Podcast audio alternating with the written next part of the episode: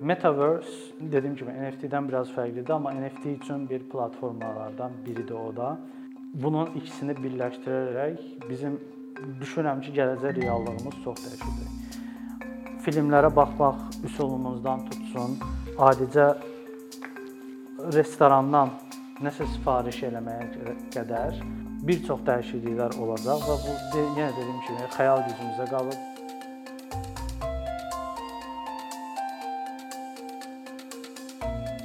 Niyə birinci biz Metaverse və NFT-dən danışanda sosial mediadan başlayırıq? Çünki Metaverse sosial medianın məntiqi davamıdır. Necə? Əvvəllər 90-cı illərdə internet ictimai istifadəçilərə yeni açılanda forum dövrü idi və hələ təzə-təzə messengerlər yaranırdı və avatar, yəni ki, forumlarda və yaxud messengerlərdə istifadə etdiyimiz bizi təmsil edən rəsmlər artıq yenidən geri qayıdıb. Ona görə də mən e, sosial media ilə bir haqqında bir tarixi bir məlumat vermək istəyirəm.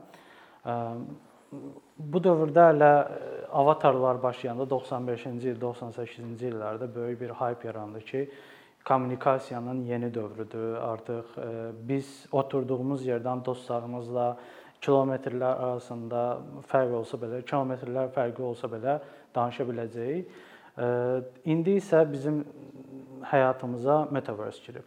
Metaverse əsasən çoxdan artıq planlanan bir məsələ idi. Amma gəl birinci metaverse nədir ondan danışaq. Bizim chat otaqlarında gördüyümüz fərqli insanlar, fərqli nickname-lər, fərqli avatarlar bunun daha təkmilləşmiş 3 3 ölçülü variantıdır, 3D variantı. Hazırda biz 2D-ni yaşayırıq. Necə yaşayırıq 2D-ni? Məsələn, bir xətt burada bir adam və burada bir adam. Bu iki ölçülü göstəricidə hal-hazırda bizim dünyamızın biz üç ölçülü kainatda yaşadığımız üçün bu insanların arasında bir xətt olduğunu görürük. Amma bu belə deyim də, insanlar iki ölçülü kainatda yaşadıkları üçün bu xəttdən o tərəfdə başqa bir insanın olduğunu xəbərdar deyillər. Amma biz üç ölçülü bir kainatda yaşadığımız üçün xəbərdarıq ki, burada bir xətt var, burada başqa bir insan var, burada da başqa bir insan var. Webdə də hal-hazırda iki ölçülü webdəyik, belə deyək ki, qarşımızdakı insanın adını, soyadını filan və s görürük, biz onu təxmin edirik, inanırıq ki, bu əslində Nicatdır, bu əslində Aynurdur. Amma tamamilə başqa bir hesab ola bilər, hətta bot ola bilər, bizim bilmədiyimiz bir şey də ola bilər. Metaverse bizə internetdə üç ölçülü kainatı gətirməyə belə deyim, çalışır. Yəni ki, biz virtual reallıq eynəklərini taxaraq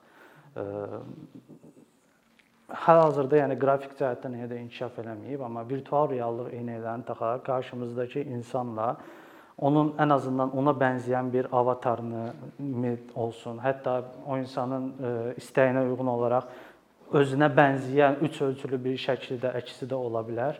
Onun səsi ilə bir yerdə, yəni virtual reallıqda önümüzdəymiş kimi danışmaq imkanı qazanırıq. Bu Metaverse-ün xüsusiyyətlərindən sadəcə biridir. Facebook-da Oculus virtual reallıq eynəklərini yaradandan bəri əslində bu işə girməyə çalışır. Amma yəni Facebook-un bəxtinə Covid pandemiyası girdi və Covid bizi məcbur elədi ki, evlərdə oturaq məcbur elədi ki, Zoom-la qarşımızdakı insanlarla bir e, işdə olsun, məktəbdə olsun, hamıya belə virtual e, qoşulaq. Və çox insan düşünürdü ki, yox, ofisə gəlmək lazımdır, işləmək lazımdır, məktəbə gəlmək lazımdır, oxumaq lazımdır. E, Covid sayəsində biz öyrəndik ki, əslində bunların heç biri lazım deyil. Biz evimizdə oturaraq da insanlarla rahat kommunikasiyaya görə girə bilərik, işimizi görə bilərik, oxuya bilərik. Metaverse e, bunu bir daha bir sonrakı pilləyə daşımaq e, məqsədi güdür. və deyə bilərəm ki, hər şey bizim xəyal gücümüzlə belə sərhədlənib. Metaverse bizə imkan verir ki, virtual reallıq eynəklərini taxaraq kainatın doğuşunu simulyasiya edilmiş bir formasını görək və bizə sadəcə müəllimlərin danışdığı, yəni mən sizin qarşınızda otururum beləncə sözlə dediyim kimi yox, reallıqda onu simulyasiya edilmiş variantını görərək onu siz təcrübə edə bilərsiniz. Yəni dediyim kimi, bu hələ kiçik körpə addımlarını atır. Biz məsələn Oculus-u taxıb və yaxud hər hansı bir virtual reallıq eynəyini taxıb əlimizdə alma olduğunu görə bilərik. Amma biz bu almanı fiziki toxunuşla hiss edə bilmirik. Hələ o səviyyəyə gəlməyib. Amma yeni əlcəklər filan istehsal edirlər ki, o bizə hiss elətdirsin. Yəni bu 4-cü necə deyim, ölçüyə keçsin. Bizim hal-hazırda bir neçə duyğu, hisslərimiz var, eşitmək, görmək və s. virtual reallıqda arazida toxunmaq və iyi bilməkdən başqa demək olar ki, hər şeyi görə bilir, hiss edə bilirik. Bircə toxunmaq və iyi bilmək qalıb. Metaverse bunu özünə hədəfləyib ki, hamısını gətirsin bizə. O bulvarda filan var idi bir ara 5D, 6D film o ancaq səslə belə deyim də eyni effekti yaratmağa çalışırdı. Metaverse bunu çalışır ki, fiziki olaraq hər şeyi bizə çatdırsın.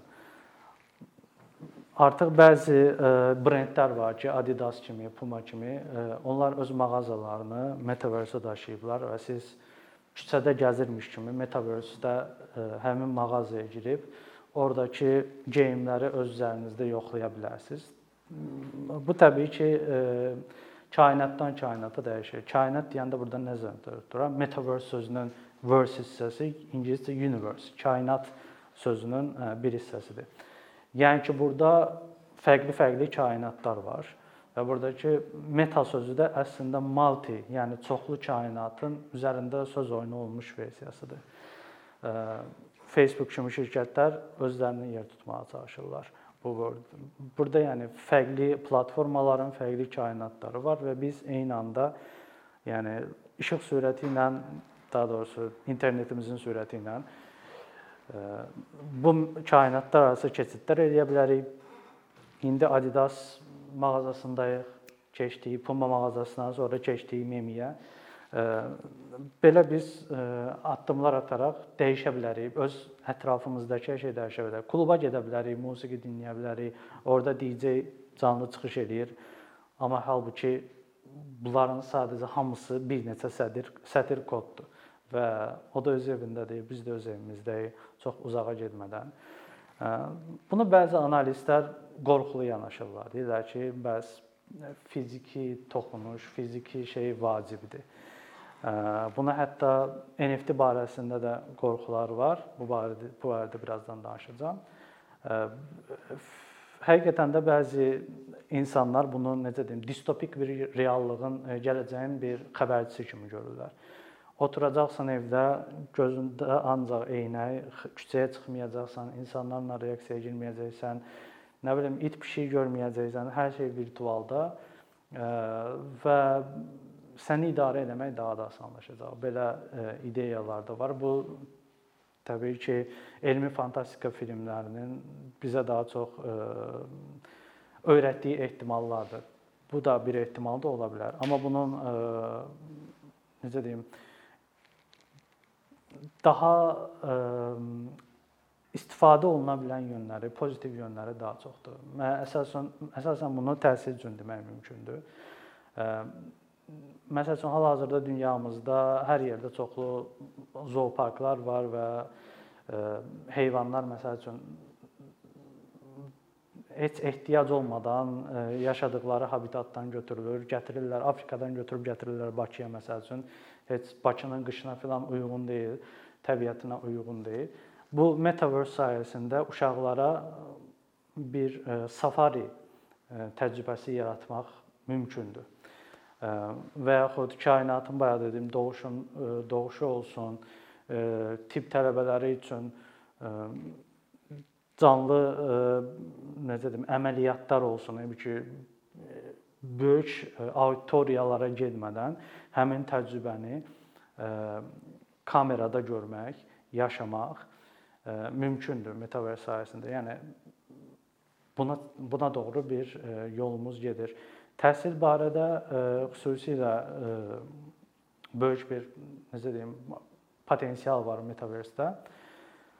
Bundan əlavə həmçinin sənət barədə də böyük bir e, potensial var. Dedim, yəni bayaq dediyim kimi Covid pandemiyası e, sənətçilərə də çox pis təsir elədi. Normalda sərgilər, kinoteatrlar, musiqi konsertləri olan e, onlara alışmış sənətçilər məcbur qaldılar evdə.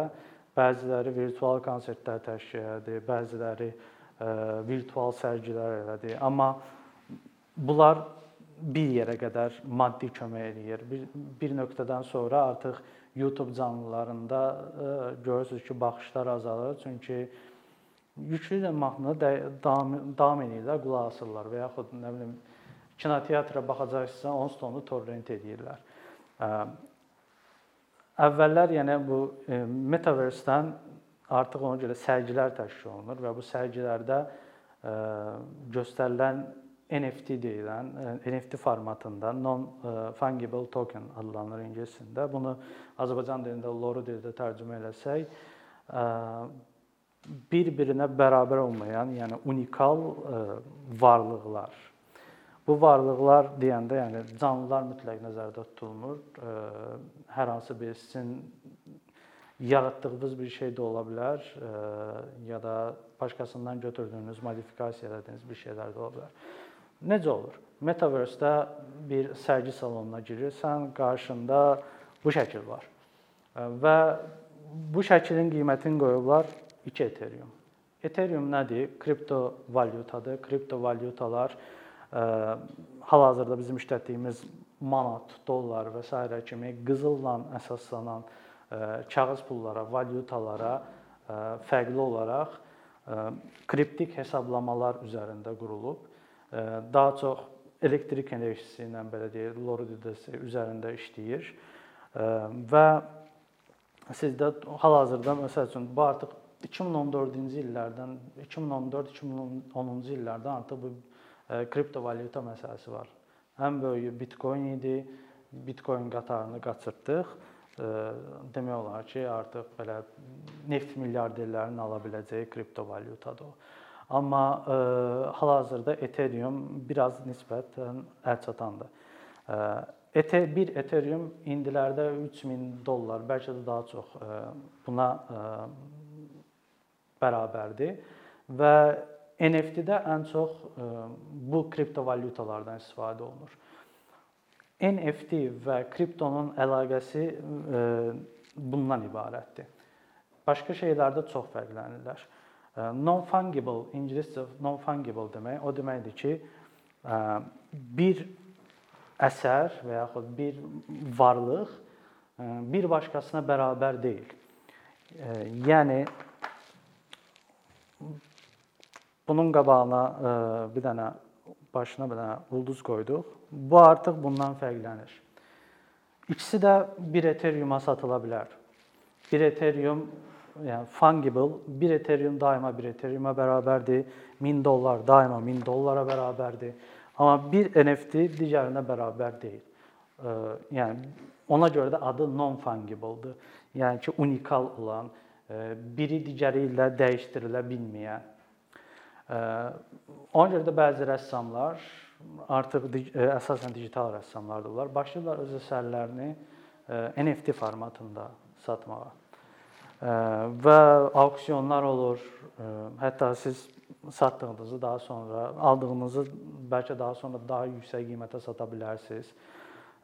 Bu günəcən maksimum belə ən böyük satış Beeple adında bir mən Twitterdə izləyirəm. Beeple adında bir digital rəssamın əsərlərinin toplusu kollajı olub.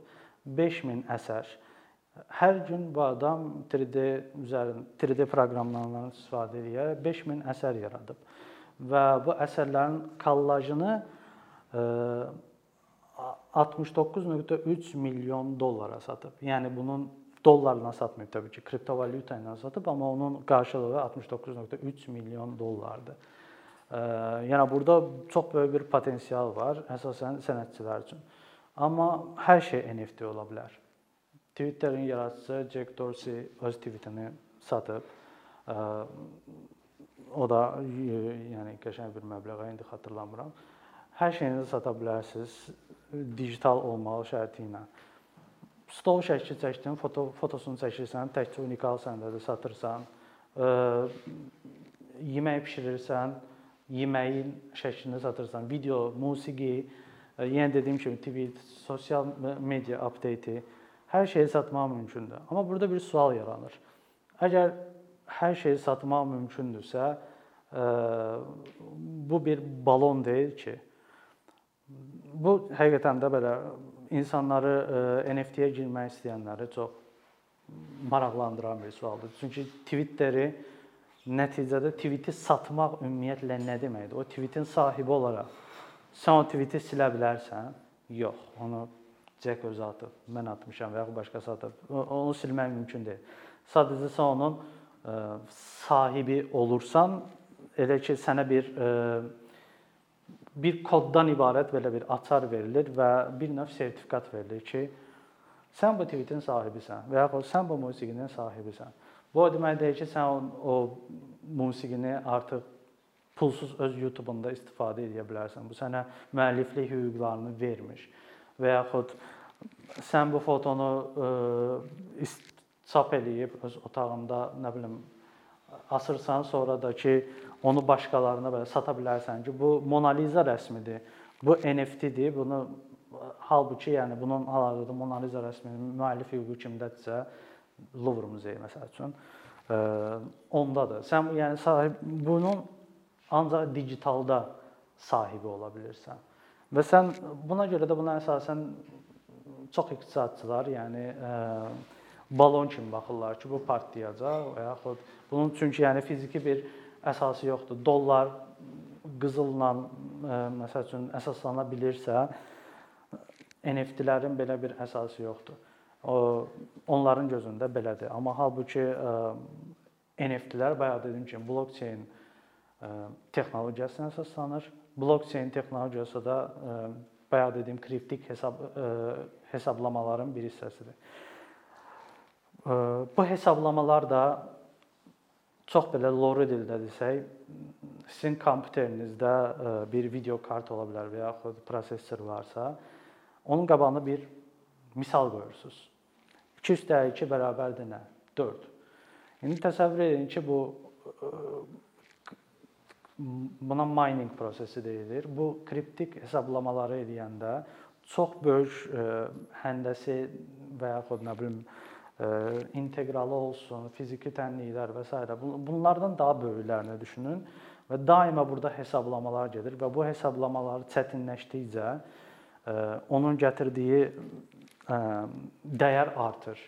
1 Ethereum əvvəllər 1 dollar 1 dollara bərabər olaraq çıxıbsa, artıq daha çox minerlər e, işə girişir və daha çox e, Ethereum yaratmağa çalışırlar. Mint deyilir, yəni ki, zərb eləməyə çalışırlar. Daha çox zərb elə Ethereum zərb eləməyə çalışırlar və onun dəyəri də qalxır və onların dəyəri qalxdıqca bu təbii ki, NFT-yə e, təsir edir. NFT bazarında hardasa hal-hazırda yəni 250 milyon dollardan çox bir kapital fırlanır. Biraz aşağı-yuxarı baxanda sənət dünyası ilə, müasir sənət dünyası ilə demək olar ki, eyni şeydir. Mən tam ki, bunu bayaq bunu bayaq çəkdiyim şeyi aparıb bir qalereyaya verib deyə bilərəm ki, mən 3 milyon dollara satıram və kimsə pul yumaq üçün bu 3 milyon dollara satdığım əsəri ala bilər, sonra onu xeyriyyə qurumuna verə bilər. O xeyriyyə qurumunda yəni vergidən qabağa düşmüş olar və s. Çox insan NFT-lərə ona görə pul yumaq üsulu kimi də baxa bilər.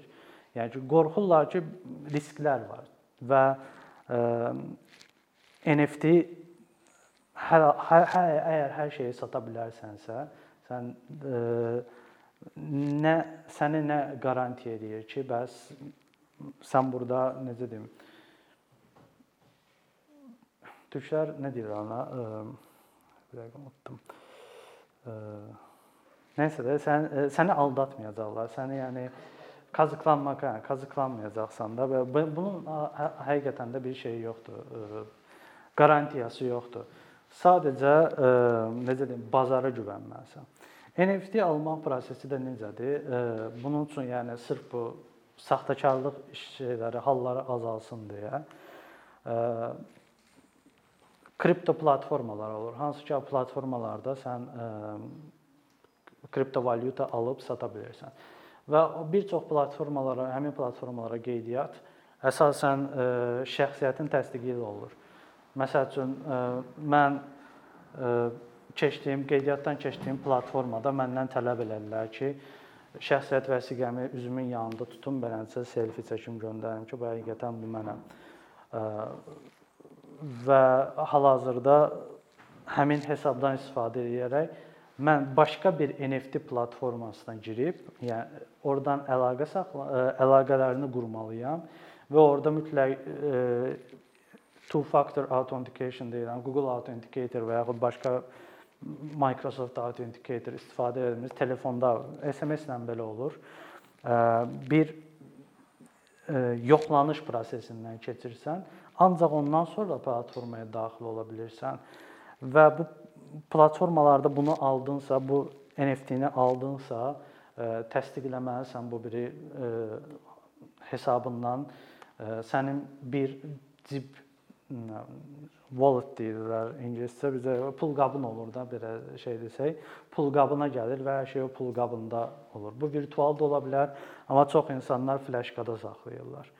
Hətta belə bir hal olmuşdu ki, Bitcoin-in ilk təzə çıxdığı, ortaya çıxdığı vaxtlarda bir nəfər 5 Bitcoin-i öz USB-sində saxlayırdı. Sonra illər sonra USB-sini tapıb, amma parolu unudub.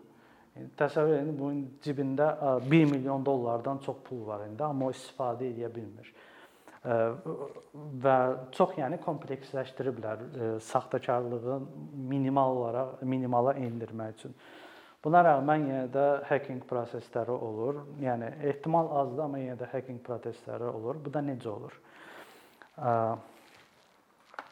Yenə eyni şəkil arasından gedirəm. Təsəvvür edin ki, bu NFT satır və burada da NFT alır. Platformalar bu iki satan və alan arasında bir smart kontrakt deyilən bir müqavilə hazırlayırlar. Bu smart kontrakt müqavilələri hər platformalarda fərqlidir və bəzi platformalarda kodlaşdırılması yaxşı olmadığı üçün hacker bir hacker araya girib bu smart kontrakt zamanı araya girib bunun profilində olan indiyəcən aldığı bütün NFT-ləri öz hesabına köçürə bilər və yaxud e, bunun satdığı NFT-ləri öz adından satıb pulu öz hesabına köçürə bilər. Belə. Bu amma çox necə deyim, nadir hallarda olur və olanda da çox böyük e, pullar mövzu olur burada. Ona görə də platformalara önəm vermək lazımdır. Google-da belə axtarış eləyin görün ki, ən ən güvənilən, ən təhlükəsiz icma belə deyim də kripto icma ən təhlükəsiz platformanı hansı sayır, onlara baxmaq lazımdır. Və ən əsası Ethereum üzərindən olan platformaların çoxunda belə bir şey də var ki, NFT satmağa başlamamışdan əvvəl almalısınız. Və bunu ona görə eləyirlər ki, yəni siz bu siz də necə deyim, e, prosesə qatqı eləmiş olasınız və bazar fırlansın və bir də platforma da oradan öz e, necə deyim, komissiyasını götürsün. Çünki hər alış-verişdə e, bir platformanın oradan bir komissiyası olur. Bundan əlavə NFT-nin başqa bir xüsusiyyətində danışım. Bir NFT satıcısı tam ki bir əsər yaradır və bu əsərin bir adama satmaq istəmir və yaxud qiyməti o qədər çoxdur ki, bunu bir adam ala bilməz. Mümkündür ki, bu əsərin təkcə bu hissəsini satsın. Başqası gəlir bu hissəsini alır, başqası daha böyük hissəsini alır. Başqası içəridəki bu dairəni alır deyib pulum ona çatır. NFT-nin bu xüsusiyyəti odur ki, təsəvvür edin ki, Mona Lizanı alırsınız və Mona Lizanın ancaq gözləri sizindir. Amma yenə də o gözləri sata bilərsiniz daha böyük qiymətə. Ona görə sənətçilər üçün, musiqiçilər üçün çox böyük bir necə deyim, imkandır hal-hazırda bu. Covid-dən sonrakı burada böyük bir pul, yəni böyük bir bazar dönür. Bunun riskinə girmək artıq sizə qalıb. Yəni siz tutalım ki, girdiniz NFT-yə və ora yatırım elədiniz 50 dollar və gördünüz ki, sizin indiyəcən tranzaksiyada itirdiyiniz pullar 50 dollardan da çox olub, 80 dollar olub. Siz qazanmısınız 50, yəni girdiyiniz qədər elə 50 qazanmısınız. 50 ilə girib elə 50 ilə qayıtmısınız geriyə. Belə bir risk də mövcuddur. Bu artıq yəni sizin öz üzərinizə qalıb və şikayət zad da edə bilməzsiniz ki, niyə belədir? Çünki bazar qiymətləri özü təyin edir. Bir də ki, platformalarda platformaların riskləri də var. Bu düzdür, kripto platformalarda bu aralar daha çoxdur. Ən çox da Türkiyədə görmüşəm. Tutal mən hal-hazırda istifadə etdiyim kripto platformaya girmişdim 60 dollarla. Bir ara qalxdı Solana filan aldım, kripto valyutalardan birini. Qalxdı 120 dollara, ana zor. İndi bu gün təzədən baxıram, görürəm ki, 80 dollara enib. Və bu dəqiqə indi bu platforma serverin razıyakasını çıxartdı, çıxdı etdi və oradakı NFT-lərin hamısı itir. Yəni qaldı oradakı serverdə və bu plat blokçeyindən də çıxır. Belə bir risk var və Türkiyədə bəzi platformalarda belə olub. Yəni ki, təkcə NFT-lərdə yox, əsasən kripto platformalarda adamlar var yatırım eləyiblər, alıblar 5 Ethereum və yaxud 10 Solana, hətta 2 Bitcoin alanlar vardı ki, adam birdən-birə çıxdı dedi ki, bizim hal-hazırda platformamızda texniki nasazlıqlar baş verir, buna görə üzr istəyirik, tezliklə düzələcək. Səhərsi gün görüblər ki, bəs Argentinadan Instagramda story atıb ki, bəs sağ olun. Yəni belə bir e, belə risklər də var. Bu tamamilə sizin üzərinizə düşür və amma NFT-nin e, əsas məntiqi budur. Metaverse dediyim kimi NFT-dən biraz fərqlidir, amma NFT üçün bir platformalardan biridir o da. E, bunun ikisini birləşdirərək bizim düşünürəm ki, gələcək reallığımız çox dəyişəcək. Filmlərə baxmaq üsulumuzdan tutsun, e, adicə restorandan nəsə sifariş eləməyə qədər bir çox dəyişikliklər olacaq və bu yenə dediyim kimi xəyal gücümüzə qalıb və bu dəyişiklikləri əslində siz də edə bilərsiniz. İndidən bir proqramist tanışınız falan varsa bir layihə qurursunuz. Orda öz-özün ya sənət işlərini sata bilərsiniz ya da ki, unikal sifarişlərinizi orada edə bilərsiniz ki, bəs reklam agentliyiyik, gəlin bizlə işləyin, belə işlər çoxdur. Amma mən yəni şeyi nəzərdə tutmuram da, o dövlət idarələri deyirlər ki, nə bilim, iclasımızı ilk dəfə metaverse-də keçirdik, su təchizatı JEX-lar filan. Mən onları nəzərdə tutmuram. Yəni metaverse belə şeylər üçün ə,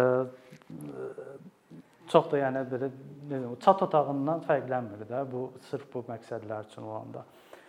Amma ki, metaverse-in əsas məntiqi budur və çox böyük risklər var. Bu risklərə də belə deyim də böyük pullarla girən insanın böyük pullar qazanmaq ehtimalı daha çoxdur. Həmin məntiqlə işləyir. Mən bayaq dediyim kimi 60 dollarla getdim, girmişəm. Yəni mən milyon dollara qalxmaq şansım çox azdır. Maksimum belə 120-yə qalxa bilərəm də belə o tərəfə getmiş. Burada da eyni məntiqdir. NFT bayaq dediyim kimi, e, elə platformalar var ki, NFT almadan da e, sata bilərsiniz, amma o platformalara çox adam etibar eləmir. E, yenə dediyim kimi, təhlükəsizlik və aldatma məsələsi olduğu üçün əsasən Ethereum blokçeynində işləyir və satıcı insanlardan çox belə deyim, əmin olmalısınız.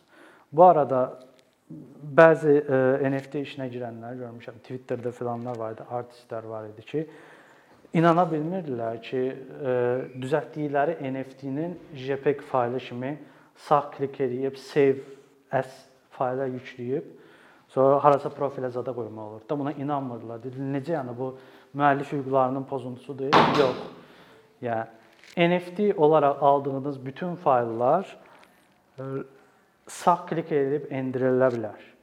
Və hətta bir e, İsveçli hacker bunun NFT-nin balon olduğunu e, sübut eləmək üçün Pirate Bay-ə oxşayan bir şey yaratmışdı. NFT Bay deyə bir sayt yaratmışdı. Oradan 13 terabayt ə, ölçüsündə NFT-lərin hamısını endirə bilirdiniz və bununla əslində onu sübut etməyə çalışır ki, bu NFT-lər tamamilə boş şeydir, nə bilim pul ə, tələsidir və s. Ə, yenə dediyim kimi, öz riskinizdən NFT işlə, NFT işinə girmək istəsə girə bilərsiniz. Amma metaverse tam bundan tamamilə ayrı bir şeydir. Metaverse dediyim kimi potensiallar ə, sonsuzdur və bizim sosial mediamızı çox dəyişəcək. Ona görə də yerinizdə olsam NFT-dən ziyadə metaverse-ə, metaverse funksiyalarına daha çox fikir verərəm və onlara daha çox yatırım eləmək haqqında düşünərəm. Belə.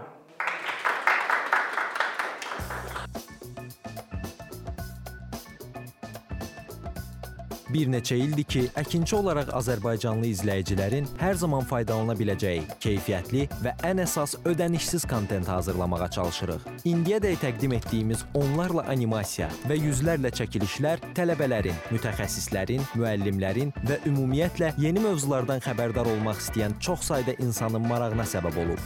Bu illər ərzində hazırladığımız videolar təhsil, texnologiya, ictimai fəallıq, iqtisadiyyat, gender bərabərliyi, ətraf mühit, ifadə ifadə azadlığı, hüquq, demokratik inkişaf, mədəniyyət və digər mövzuları əhatə edib. Məqsədimiz çoxlu baxış gətirən deyil, çoxlu fayda gətirən videolar hazırlamaqdır. Amma bu düşündüyümüz qədər asan deyilmiş. Gördüyümüz iş kifayət qədər resurs, əmək və təbii ki, davamlılıq tələb edir. Bu səbəbdən Patreon platformasından istifadəyə başladıq. Əkinçinin Patreon hesabının populyarlaşmasına çox böyük ümidlərimiz və gözləntilərimiz var.